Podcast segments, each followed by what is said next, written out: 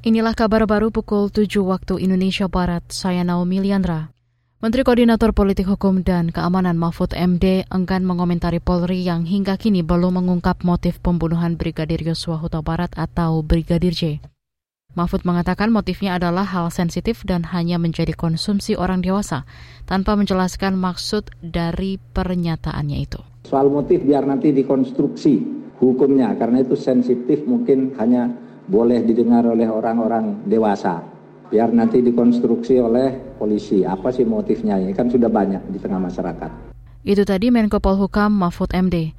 Kemarin Polri menetapkan Verdi Sambo sebagai tersangka pembunuhan Brigadir J. Verdi disangka memerintahkan penembakan merancang skenario baku tembak berusaha menghilangkan barang bukti dan menghalang-halangi penyidikan. Selain Verdi, ada tiga tersangka lain yakni Barada E, Bribka RR, dan KM. Mereka dijerat dengan pasal pembunuhan berencana dengan ancaman maksimal hukuman mati. Masih terkait kasus pembunuhan Brigadir J, tim khusus Polri menggeledah tiga rumah eks-kadif Propam Polri Verdi Sambo yang kini berstatus tersangka pembunuhan Brigadir Yosua Huta Barat atau Brigadir J. Dikutip dari antara, ketiga rumah itu berada di lokasi berbeda, yakni di kompleks Polri Duren 3 nomor 58, Jalan Sagulung dan di Jalan Bangka, Jakarta Selatan. Kepala Divisi Humas Polri, Dedi Prasetyo, mengatakan proses penggeledahan mendapat izin dari Ketua Pengadilan Negeri Jakarta Selatan. Ini merupakan upaya mencari barang bukti kasus penembakan Brigadir J. Penggeledahan dilakukan selasa sore sebelum Kapolri Listio Sigit Prabowo mengumumkan Verdi Sambo sebagai tersangka. Dia mengatakan penyidik nanti akan membeberkan hasil penggeledahan tersebut. Kita ke soal ekonomi. Rencana penghapusan anggaran khusus COVID-19 pada RAPBN 2023 mendapat catatan dari Forum Indonesia untuk Transparansi Anggaran Fitra.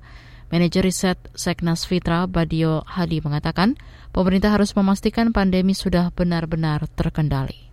Cuman pemerintah harus hati-hati karena masyarakat juga masih dihadapkan pada situasi COVID yang memang masih terus apa, ada ya di tengah-tengah masyarakat kita. Pemerintah mencoba membangun optimisme dengan menghapus anggaran PEN dan kemudian fokus eh, apa penanganan kesehatan eh, secara umum kan kayak gitu kan, secara umum.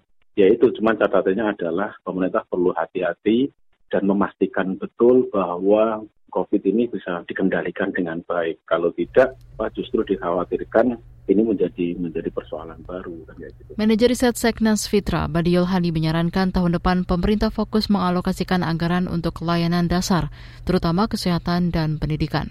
Target penurunan angka kemiskinan dan stunting juga mesti jadi prioritas. Demikian halnya dengan subsidi terutama untuk pangan dan energi. Demikian kabar baru KBR, saya Naomi Liandra undur diri.